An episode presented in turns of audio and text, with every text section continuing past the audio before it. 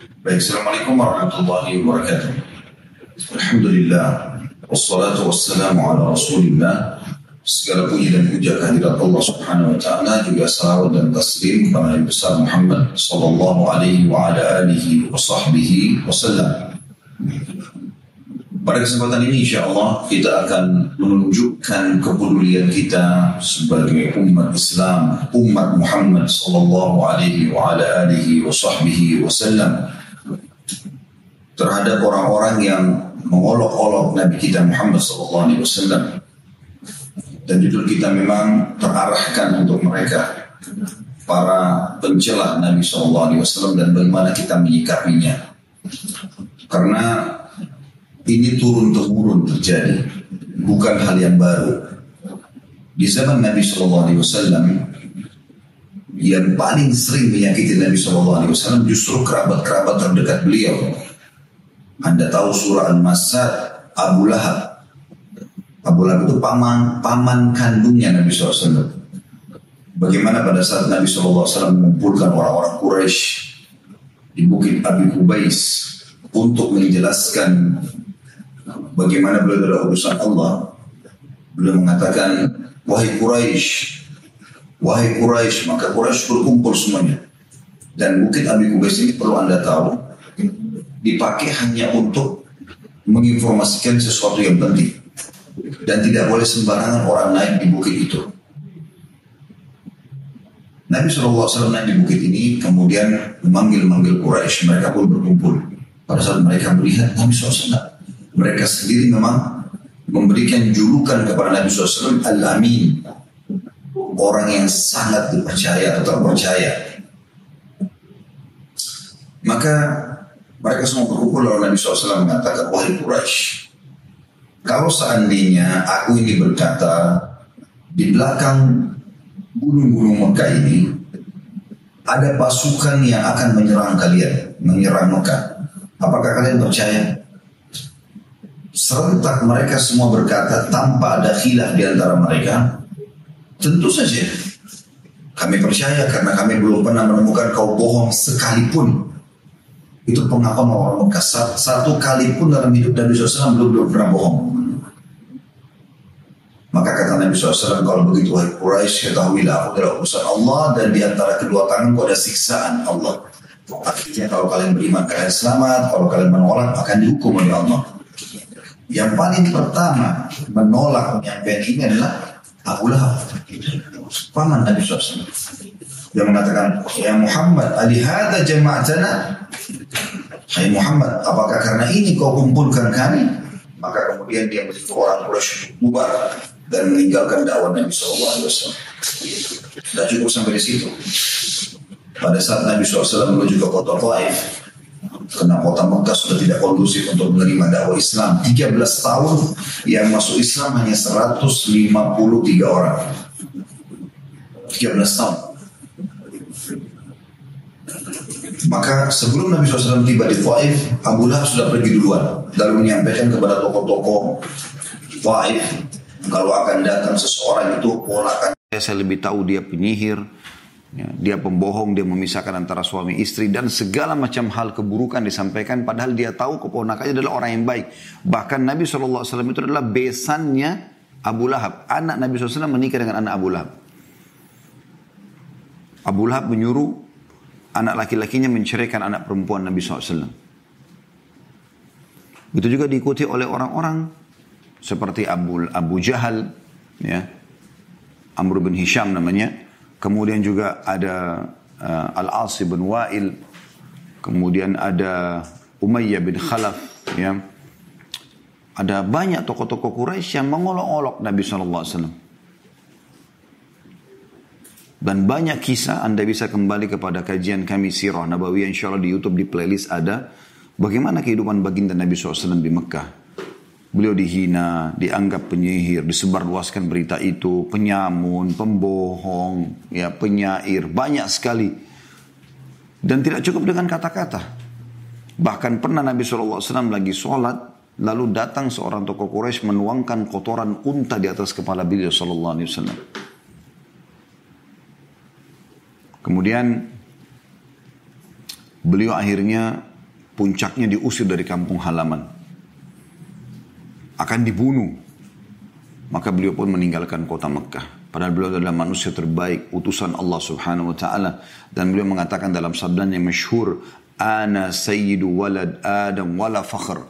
Aku adalah pemimpin anak Adam dan tidak ada kesombongan dalam masalah itu. Tiba di Madinah, walaupun negara Islam sudah berdiri, Nabi SAW menjadi raja lah pada saat itu ya. Bahkan orang-orang Yahudi dengan ketiga sukunya, Kainuka, Nadir, dan Quraidah juga sama. Mereka di bawah naungan Nabi SAW dan ada kesepakatan damai dengan kaum muslimin. Tapi orang Yahudi tidak berhenti untuk mengolok-olok Nabi SAW. Yang kisah masyur masalah Ka'ab bin Ashraf yang akhirnya dibunuh. Ya. Kemudian juga uh, ada Abu Rafi' ya, ada beberapa tokoh-tokoh Yahudi yang akhirnya dibunuh oleh kaum muslimin dan Nabi SAW yang memerintahkan karena mengolok-olok Nabi SAW. Bahkan pernah ada seorang sahabat punya seorang budak wanita. Budak wanita ini terkenal dengan kecantikannya bahkan sempat melahirkan dua anak untuk sahabat ini. Tapi tiap hari karena dia dalam keadaan kafir mencaci maki Nabi SAW. Tidak berhenti lisannya menyakiti Nabi SAW. Majikannya ini kebetulan buta matanya. Selalu ingatkan tidak mau dengar. Sampai satu malam dia udah nggak bisa tahan lagi. Dengan olakan-olakan si budak wanita ini maka dia mengambil sebuah pisau yang tajam.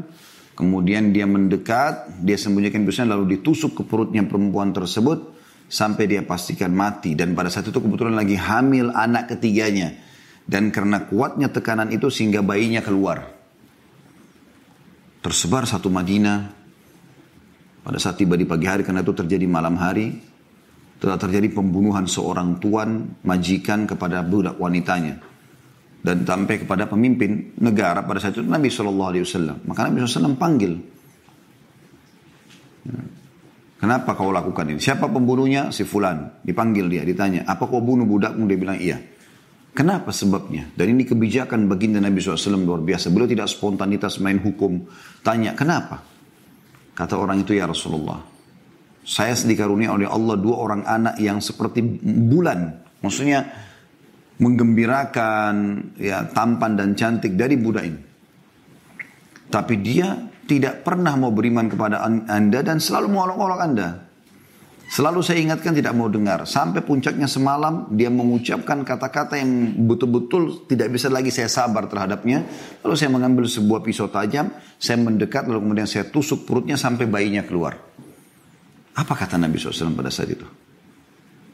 Saksikanlah darah wanita ini tidak ada nilainya.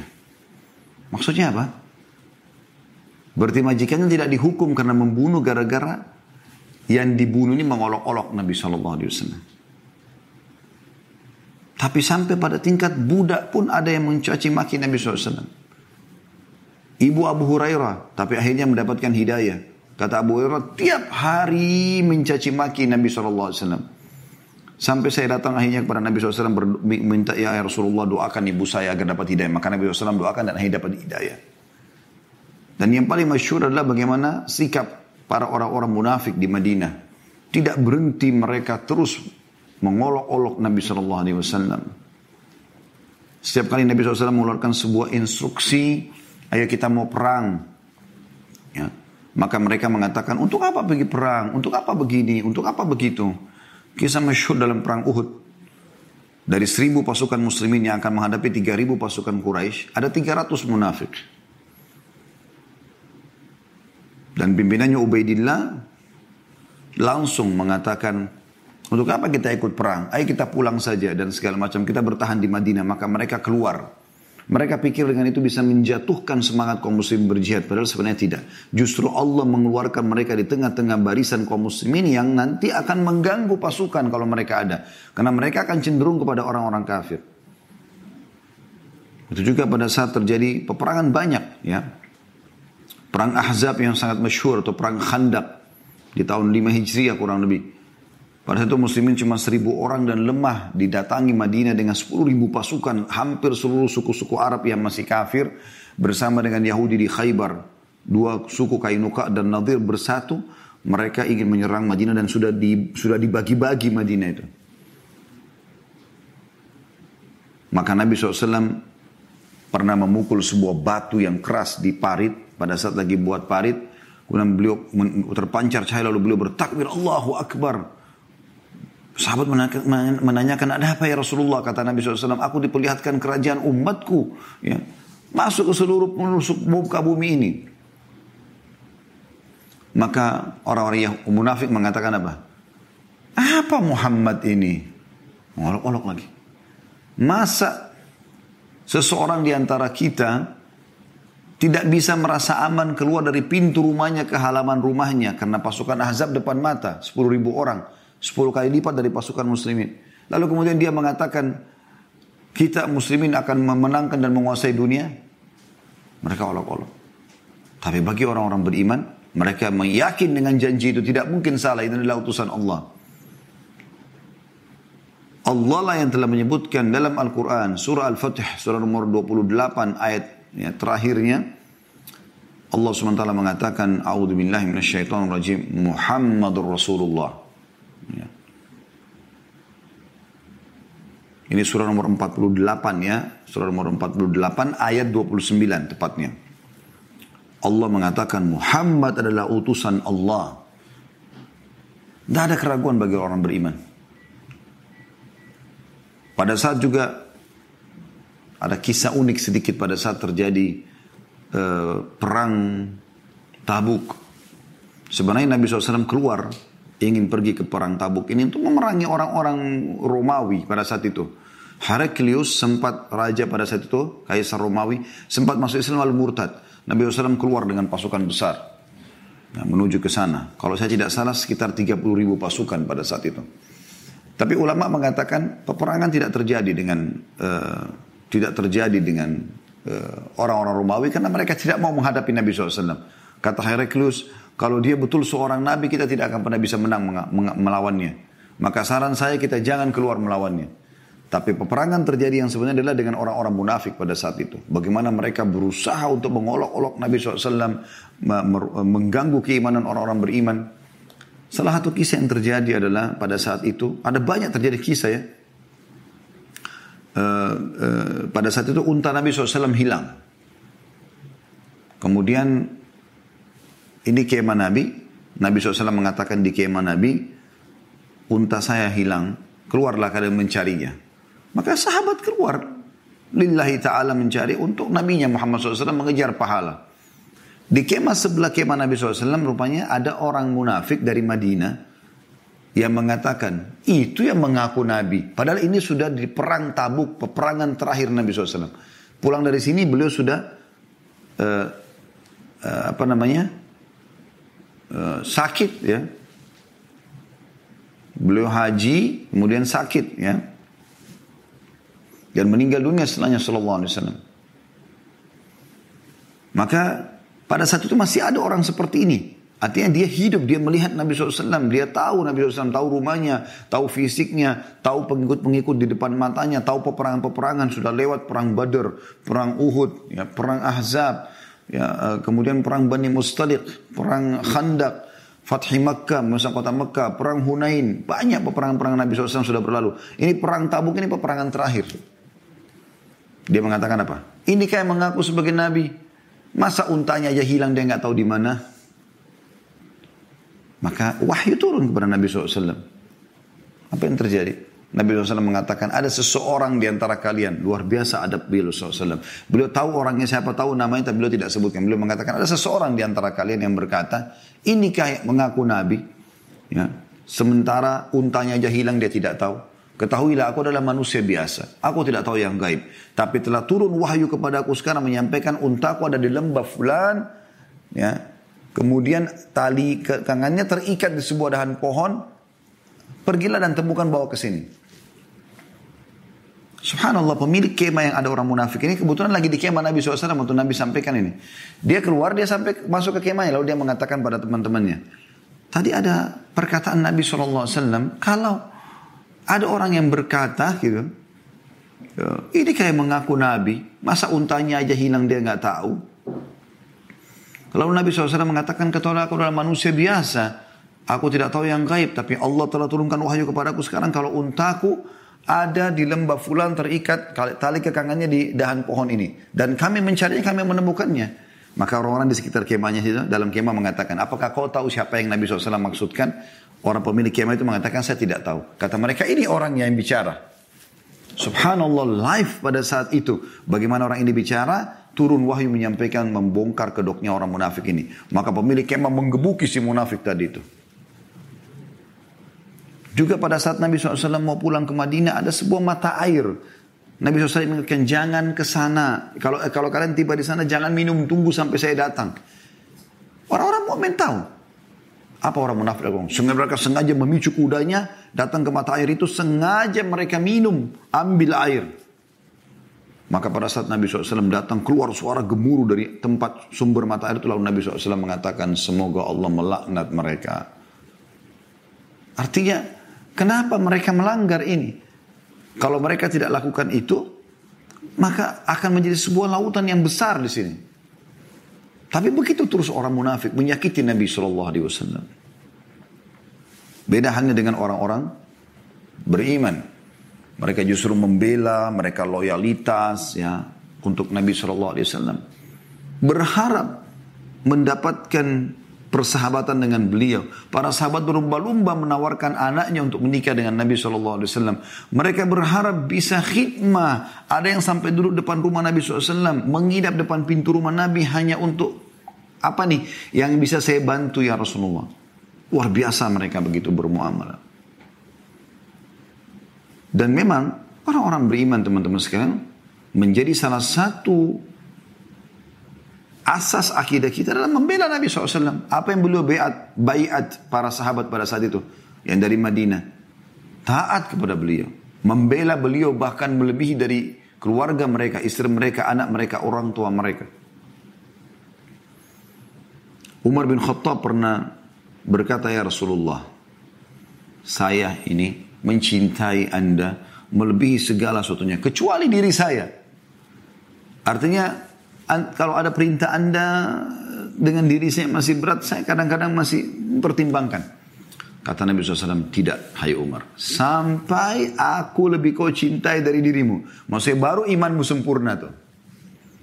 Umar menundukkan kepala sejenak, lalu kemudian mengangkat mengatakan, sekarang ya Rasulullah. Kata Nabi SAW, sekarang hai Umar.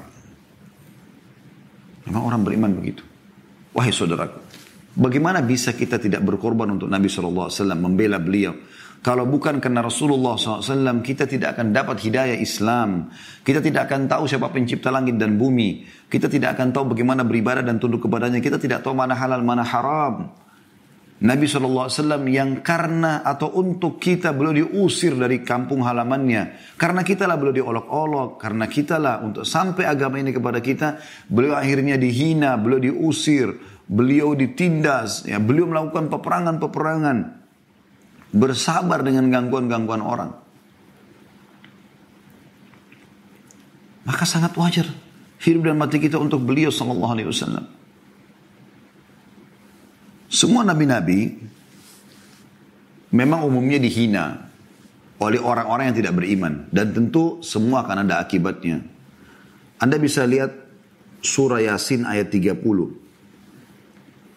Kalau Anda punya aplikasi Al-Quran bisa Anda buka di HP, lihat surah Yasin ayat 30. Allah menceritakan masalah itu.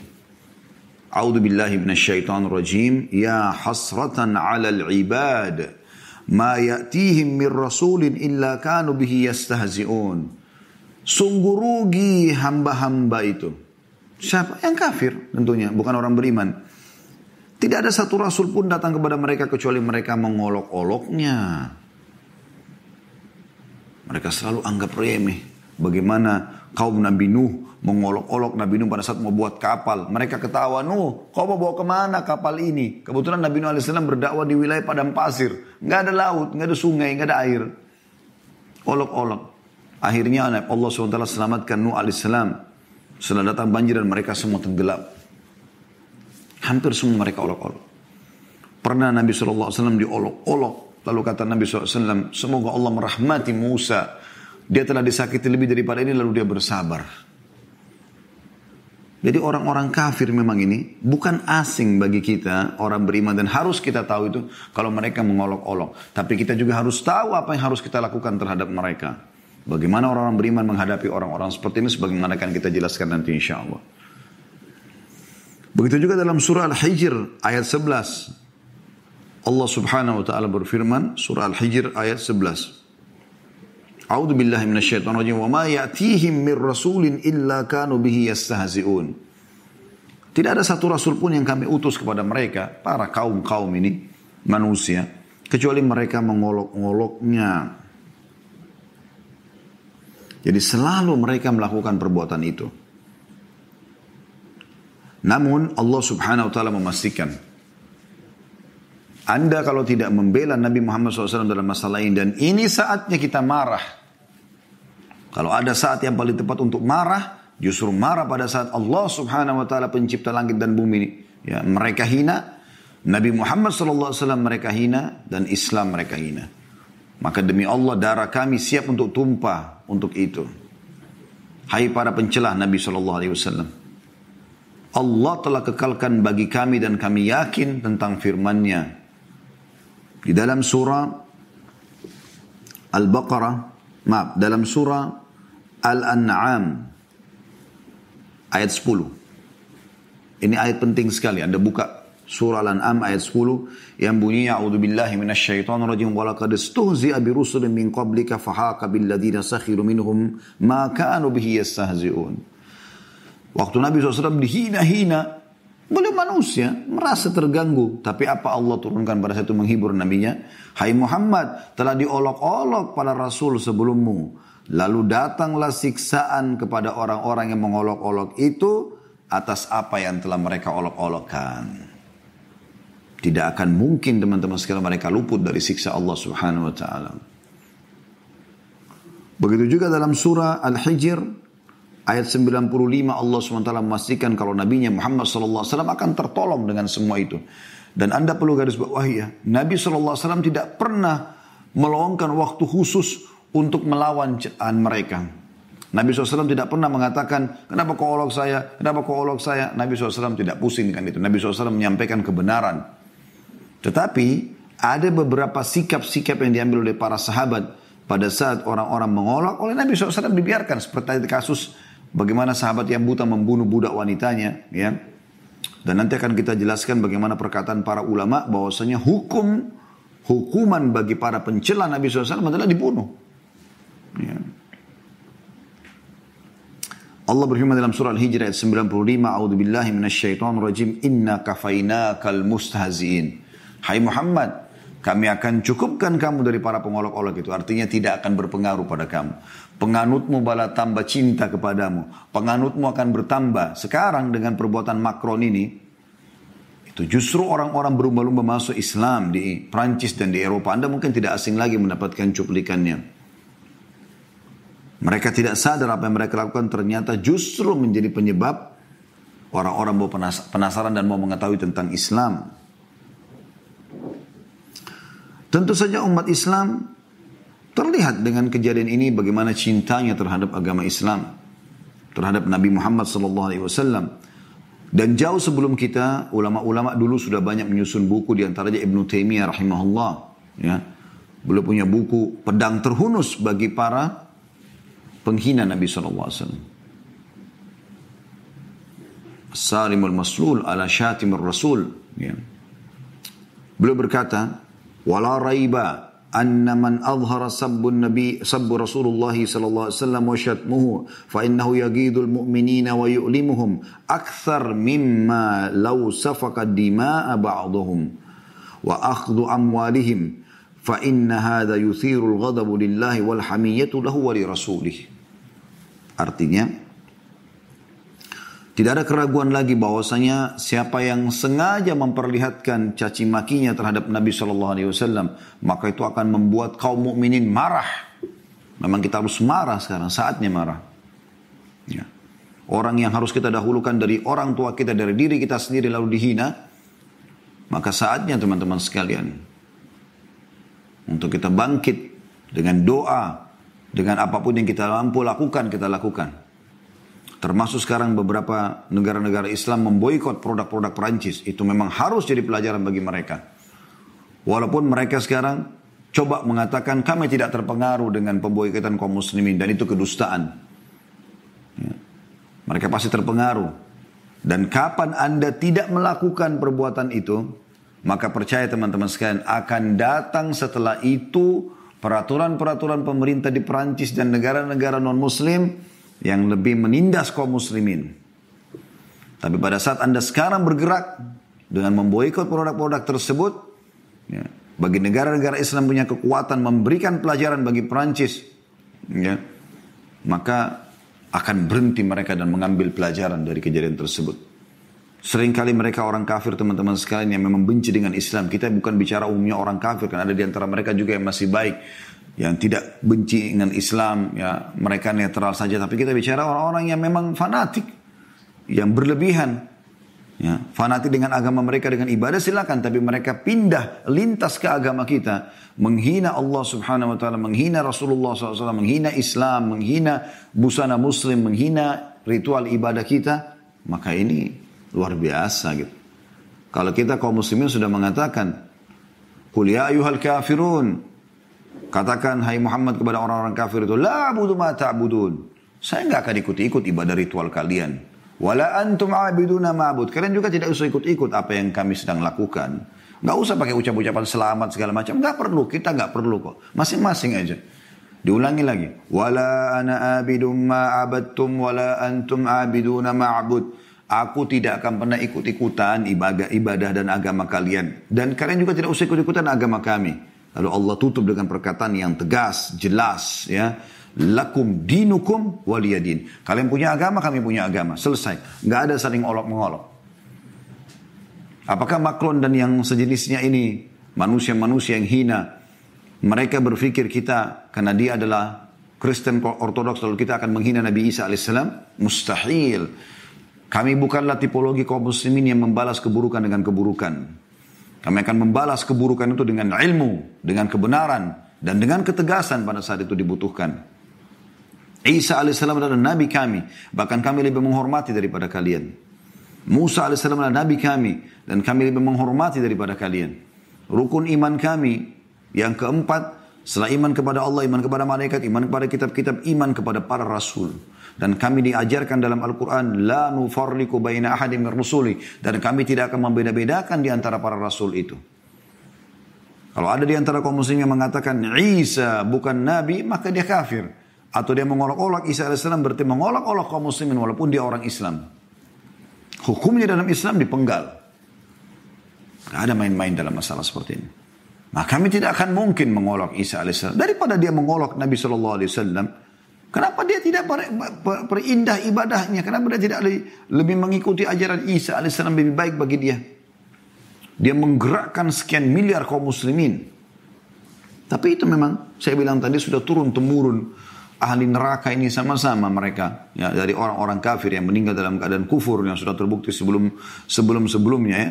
Allah alam kalau makhluk ini mendapatkan hidayah. Tapi kalau dia meninggal dalam keadaan kafir akan akan bersama dengan orang-orang kafir sebelumnya. Di sini dikatakan, saya ulangi, kata Ibnu Taimiyah rahimahullah, dan tidak ada keraguan bahwasanya orang-orang yang memperlihatkan ya, cacian, hinaan kepada Nabi SAW akan membangkitkan marahnya kaum mukminin dan akan menyakitkan mereka lebih daripada pada saat darah-darah mereka ditumpahkan, harta mereka dirampas. Dan ini ya sudah cukup untuk memunculkan atau menimbulkan marah karena Allah dan karena Rasulnya. Dan untuk marah karena Allah, pembelaan terhadapnya dan terhadap Rasulnya alaihi salatu wassalam. Teman-teman sekalian, cukup banyak ayat Al-Quran yang turun, ya, yang membela Nabi SAW sebagaimana sudah kita bacakan tadi. Dan ada ayat juga yang menarik untuk dibahas yaitu di akhir ayat Allah SWT mengatakan Inna syani'aka huwal abtar dan orang yang menghina Muhammad maka dia justru yang kembali padanya penghinaan itu. Ini sudah lama turun di awal-awal Islam. Ya, banyak sekali uh, makna daripada syani'ak atau syani Ini banyak sekali maknanya, tapi semuanya ya, bermakna kebencian, keburukan. Ya. Orang Arab juga mengatakan orang yang tidak punya anak dengan istilah ini. Maka ini teman-teman sekalian, Allah SWT mengatakan, Inna syaniaka, semua orang yang mengolok-olokmu, baik dengan lisan, dengan cibiran, dengan sikap, ya, mengeluarkan harta, apalah segala macam, huwal abtar. Dia yang akan abtar. Dia akan terhina. Dia yang akan kembali padanya semua masalah itu. Dan kita sangat yakin dengan itu. Ibnu Abbas mengatakan, radhiyallahu anhu, ayat ini turun kepada Al-Asib bin Wa'il yang pernah bertemu dengan Nabi SAW di dekat Masjid Haram Mekah. Waktu itu masih majak patung-patung di awal-awal Islam. Kemudian berbicara. Setelah selesai berpisah dengan Nabi SAW. Orang tidak tahu dia ngomong apa. Teman-temannya orang Quraisy yang kafir juga mengatakan. Ada apa? Kau bicara sama siapa? Dan bicarakan apa tadi? Maka dia mengatakan, saya sedang bicara dengan Abtar. Abtar itu orang Arab mengatakan yang tidak punya anak. Kebetulan pada saat itu anak Nabi SAW Ibrahim baru meninggal. Maka turunlah ayat ini, Inna syaniaka huwal abtar. Surah Al-Kawthar. Ya. Saya luruskan surah Al-Kawthar. Inna atainaka al-kawthar, fasalli rabbika wanhar, inna syaniaka huwal abtar. Khususnya kami telah berikan kau nikmat yang banyak, hai Muhammad. Tidak usah kau terpengaruh lagi dengan ya, olok-olokan mereka. Al-Kawthar juga bermakna telaga yang indah di surga. Kalau yang di mahsyar namanya haud, kalau yang di surga al-kautsar. Maka sibuklah kau sholat dengan berkurban untuk Tuhanmu. Orang yang menghinamu pasti mereka akan ya, kena sendiri hukuman terhadap apa yang mereka lakukan itu. Ada juga yang mengatakan ayat ini turun kepada Abu Jahal. Ada juga yang mengatakan turunnya kepada Abu Lahab. Ada juga yang mengatakan turunnya kepada Uqbah bin Abi Mu'aid. Ini orang-orang yang paling rugi dalam kehidupan mereka. Uqbah ini subhanallah punya kisah unik. Dia bersahabat dengan Nabi SAW dulu. Satu waktu Nabi SAW diundang sama dia ke rumahnya makan. Dia fase Mekah. Maka Nabi SAW mengatakan, Hai Uqbah saya tidak mau makan sampai kau syahadat. Maka Uqbah mengatakan, Hai Muhammad ini undangan segala macam. Maka kata Nabi SAW, begitu keputusan saya. Kalau kau syahadat saya mau makan. Maka Uqbah syahadat. Subhanallah setelah dia syahadat, makan dan Nabi SAW dengan dia. Tersebar berita salah satu tokoh Mekah, Uqbah bin Abi Mu'aid ini terkenal sekali. Kedudukannya sama dengan Abu Jahal, Umayyah bin Khalaf, Al-Asib bin Wa'il dan yang lain-lainnya. Maka datanglah Seingat saya Abu Jahal itu yang datang kepada dia mengatakan, apa kau memang sudah masuk ke agama Muhammad. Dia bilang tidak, saya Muhammad bertamu, kemudian saya begini dan begitu. Kata dia kalau begitu buktikan. Sekarang itu Muhammad lagi tawaf, datang ke dia ludahi mukanya. Dan sampaikan ke orang-orang kalau kau tidak di agamanya. Maka orang yang terhina ini datang dan mengatakan melakukan hal tersebut. Dia meludahi wajah Nabi SAW pada Nabi sahabatnya dan mulia. Saya tidak tahu, tidak bisa membayangkan bagaimana orang bisa, sedangkan disebutkan para sahabat saya teman-teman sekalian, tidak berani menatap wajah Nabi SAW, mata beliau karena keagungan dan wibawahnya. Bagaimana orang ini bisa meludah? Dia meludahi Nabi SAW, kemudian dia menyatakan kalau dia bukan muslim. Maka meninggal dalam keadaan kafir. Dan Allah mengatakan, Inna sya'niaka huwal abtar. Ini luar biasa bagaimana Allah subhanahu wa ta'ala sudah turunkan semua ini. Dan mereka-mereka ini termasuk orang-orang yang kecuali Abu Lahab ya itu ditemukan meninggal di perang Badr. Dan waktu jenazah dikumpulkan di satu sumur kata Nabi SAW. Hai fulan, hai fulan disebut semua. Ini orang-orang yang tadi mengolok-olok Nabi SAW dan masih banyak yang lain lagi. Karena korbannya sekitar 70 orang, 60, 70 orang, orang Quraisy pada saat itu. Maka kata Nabi SAW, apakah kalian telah mendapatkan apa yang telah Allah ancamkan kepada kalian? Sesungguhnya aku telah mendapatkan apa yang aku telah janji, apa yang telah aku dijanjikan oleh Tuhanku. Maksudnya kemenangan dengan kiman kalian pasti sudah mendapatkan siksa kubur dan siksa neraka nanti akan diperlihatkan sudah diperlihatkan pada kalian. Siksa kubur sudah dapat, siksa neraka nanti akan nyusul. Maka Umar mengatakan ya Rasulullah, mereka sudah jadi bangkai. Apa yang mereka dengar? Kata Nabi SAW, ini ini mukjizat ya. Bukan semua orang bisa memperdengarkan orang mati. Tapi Nabi SAW di sini Ya, beliau punya kedudukan tersendiri maka kata Nabi SAW, Hai Umar, mereka lebih jelas mendengar perkataanku daripada kau. Sekarang mendengarkan apa yang aku ucapkan. Kemudian teman-teman sekalian, kita akan masuk ke masalah hukuman bagi orang yang menghina Nabi alaihi salatu. Ibnu Taimiyah berkata rahimahullah bahwasanya Allah telah memberikan kehinaan bagi orang yang menghina Nabi sallallahu alaihi wasallam dan ini menandakan ada sebuah hukum yang bisa ditarik dari situ. Karena semuanya kehinaan tersebut karena kekafiran mereka. Dan ini mengeluarkan wajibnya untuk dihukum mati Perkataan ini juga teman-teman sekalian bukan hanya sekedar dinukil dari Ibnu Taimiyah tapi cukup banyak di antara ulama yang menukil perkataan ini. Di antaranya adalah perkataan Al-Qadhi Iyad rahimahullah. Beliau mengatakan bahwasanya dari Al-Quran yang mulia Allah telah melaknat bagi siapa pun yang menyakiti Nabi SAW di dunia dan di akhirat. Dan juga Allah Subhanahu wa taala mengancam orang-orang yang mengolok-olok Nabi SAW dengan kekufuran. Dan tidak ada perbedaan pendapat dalam masalah hukuman mati bagi pencaci maki Allah. Dan setiap laknat berarti mendatangkan hukum mati. Begitu juga dengan Rasulnya Sallallahu Alaihi Wasallam. Juga Syekh As-Sa'di rahimahullah mengatakan, Waktu Allah subhanahu Allah subhanahu wa taala memerintahkan kita untuk mengagungkan Rasulnya Muhammad sallallahu alaihi wasallam dan melarang kita untuk menyakitinya serta mengancam dengan ancaman yang keras sebagaimana dalam firman-Nya innal ladzina yu'dzuna Allah wa rasulah sesungguhnya orang-orang yang menyakiti Allah dan Rasulnya tentu lanjutan ayat Allah melaknatnya di dunia dan di akhirat maka ini kata beliau masuk dalam semua bentuk olokan atau hal-hal yang menyakitkan baik perkataan, perbuatan dari cacian, celaan, cercaan ya. Dan ini akan mengganggu tingkat keimanan seseorang pada saat dia melakukan. Karena Allah Subhanahu wa taala mengatakan lanjutan ayat la'anahumullahu fid dunya wal akhirah wa adda lahum adzaban muhina. Sesungguhnya orang-orang yang mengolok-olok atau menyakiti Allah dan Rasulnya maka Allah akan melaknat mereka di dunia dan akhirat dan Allah ancam mereka dengan adab yang pedih. Dan yang dimaksud dengan laknat di dunia adalah diangkat keberkahan hidupnya. Dan bagi pemerintah Islam untuk menghukum mati. Pencela Nabi SAW. Dan di akhirat Allah mengatakan wal akhirati ya, la'anahumullahu fid dunya wal akhirah wa adda lahum adaban muhina. Allah melaknat di dunia, ini hukumannya dan disepakati oleh ulama bahwasanya pengolok-olok Nabi SAW dihukum mati di dunia. Dan di akhirat Allah menyiapkan baginya azab yang pedih. Juga Nabi SAW, Allah SWT menceritakan tentang masalah orang-orang munafik.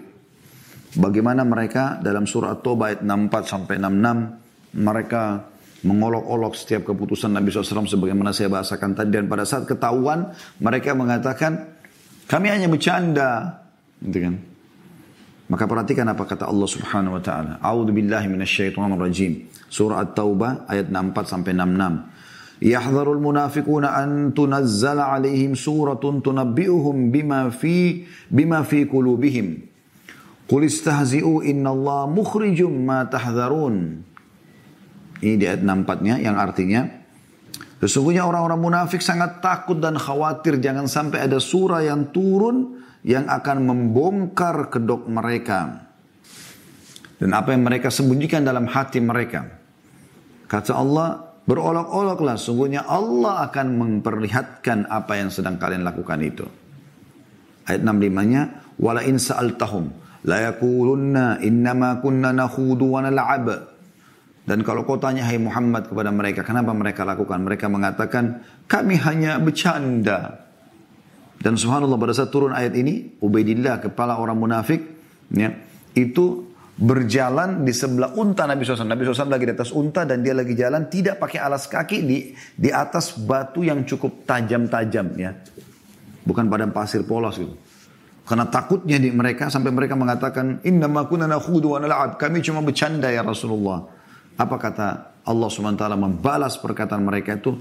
Kul abillahi wa ayatihi wa rasuli kuntum tastahzi'un? Apakah kepada Allah, ayat-ayatnya, rasulnya, kalian bercanda, mengolok-olok? La ta'tadiru, la ta'tadiru, qad kafartum ba'da imanikum. Al-ayat.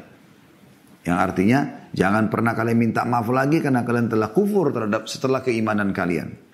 Ya, ini bagaimana tegasnya ayat Al-Quran turun masalah ini. Qadi Iyad berkata rahimahullah, Qala ahlu tafsir, para ahli tafsir berkata, kafartum, kalian telah kufur, biqaulikum fi rasulillahi sallallahu alaihi wasallam. Yang Allah mengatakan, Qad kafartum ba'da imanikum. Kalian telah kufur setelah keimanan kalian. Kata Qadil Iyad. Maksudnya adalah terhadap perkataan buruk kalian terhadap Nabi Sallallahu Alaihi Wasallam. Mengolok-olok Nabi SAW. Ya. Karena mereka pada saat Nabi SAW mau perang tabuk, ayat ini turun pada saat masalah perang tabuk. Jadi surah Al-Ahzab itu mayoritasnya berbicara tentang bagaimana membongkar kedok orang munafik. Yang tadi saya sempat singgung bahwasanya peperangan yang terjadi sebenarnya di perang tabuk adalah peperangan antara muslimin dengan orang-orang munafik. Maka pada saat itu turun ayat ini. Mereka mengolok-olok pada saat itu Nabi SAW keluar. Tinggal dua tiga hari lagi panen kurma. Dan pada saat itu lagi panas luar biasa gitu. Maka orang munafik mengatakan, untuk apa kita keluar berperang? Sebentar lagi kita panen. Ya, ini panas. Ya. Maka Allah SWT membalas mereka dengan mengatakan, Kurnaru jahannam asyaddu harra. Katakan, hai Muhammad, neraka jahannam lebih panas. Tapi orang beriman, mereka mengikuti semua perintah Allah dan Rasulnya. Dan setelah pulang Nabi SAW dari perang tabuk, mereka datang minta maaf seperti ini. Setelah mengolok-olok Nabi SAW dengan perkataan tadi, apa nih Muhammad suruh kita berperang, lagi musim panas, sebentar lagi kita akan panen kurma. Kan bisa tunggu sebentar dulu, nanti kalau sudah agak redah panas. Padahal mereka bohong, walaupun sudah redah panas mereka tidak akan ikut berperang. Begitu juga dari sunnah Nabi SAW, itu ada ayat-ayat Al-Quran. Dari sunnah-sunnah Nabi SAW jelas sekali. ya Bagaimana perlakuan tadi orang buta dari sahabat yang membunuh budaknya ya. Dan itu juga riwayatnya sahih di mana Nabi SAW mengatakan darahnya budak wanita itu tidak ada nilainya. Ini disebutkan oleh Abu Dawud, An-Nasai, ya, dan dikatakan oleh Al-Hakim dalam kitab Mustadraknya Sahihul Isnad. Karena Nabi SAW mengatakan, Ala syhadu anna damaha hadar. Saksikanlah darahnya wanita ini, tidak ada nilainya. Tidak ada pembalasan karena dia mengolok-olok Nabi SAW. Begitu juga pernah terjadi, disebutkan dalam sebuah riwayat yang lain, diriwayatkan Abu Dawud, juga Al-Bayhaqi dalam Sunan Al-Kubra. dan ini dikatakan oleh Bayhaqi dan Abu Dawud, sanatnya sahih. Bahkan ala syartu syaikhan, atau syaikhain sesuai dengan syaratnya Bukhari Muslim hadis sahih. Di mana dikatakan anda Yahudi kanat tashtumun Nabi sallallahu alaihi wasallam wa taqa fi fa khanaqaha rajulun hatta matat fa abtala Rasulullah SAW damaha. Bahwasanya ada seorang wanita Yahudi coba mengorok-orok Nabi SAW kemudian ada seorang laki-laki membunuhnya. Ya. Maka matilah dia, dicekik dia sampai dia mati. Maka Nabi SAW membatalkan pembalasan darahnya. Maksudnya tidak ada, kan dalam Islam itu kalau orang membunuh dibunuh juga. Tapi ini tidak ada.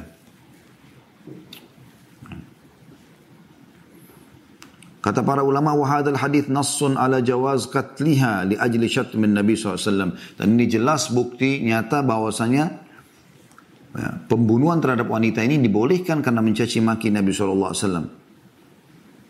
Wadalil ala qatlir rajul zimmi. Dan ini juga bolehnya membunuh seorang laki-laki zimmi. Zimmi itu maksudnya orang kafir yang dibawa naungan pemerintah Islam. Kalau memang dia mengolok-olok Islam. Wa qatlul muslim wal muslima ida sabba ya, an-nabi SAW. Dan juga bahkan muslim laki-laki dan muslimah pun kalau sampai mencaci maki Nabi SAW juga hukumnya sama dibunuh. Ini dinukil dari perkataan, dinukil dari buku Ibnu Taimiyah As-Saif As-Saiful Maslul, uh, maaf, As-Sarimul Maslul ya.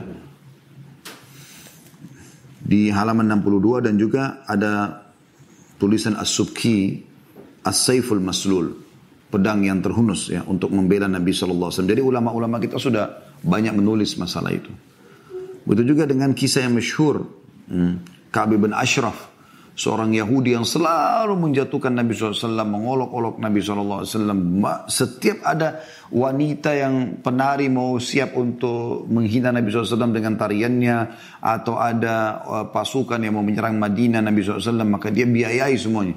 Sampai apa kata Nabi SAW kepada para sahabat? Selepas sholat langsung Nabi iklanin. Man li bin Ashraf fa wa rasulah. Siapa yang akan membunuh Ka'ab bin Ashraf karena dia telah menyakiti Allah dan Rasulnya. Lalu sahabat berkumpul beberapa orang lalu membunuh dia. Ada kisah sendiri tentunya. Itu cukup panjang tapi yang jelas dia terbunuh pada saat itu karena memang mengolok-olok Nabi Sallallahu Alaihi Wasallam. Itu luar biasa gitu dan perkataan ulama cukup banyak dengan masalah ini ya.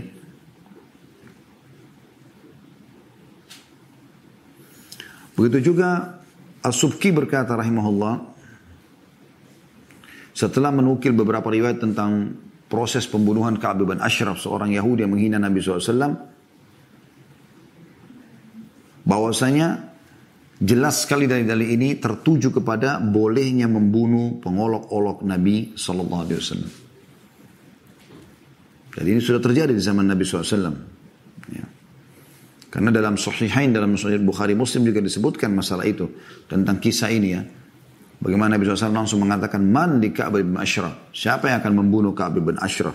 Fa inna qad Allah wa rasulah. Karena dia telah mengolok-olok Allah dan Rasulnya. Ya. Dan cukup banyak berhubungan dengan masalah itu. Kemudian As-Subki berkata rahimahullah,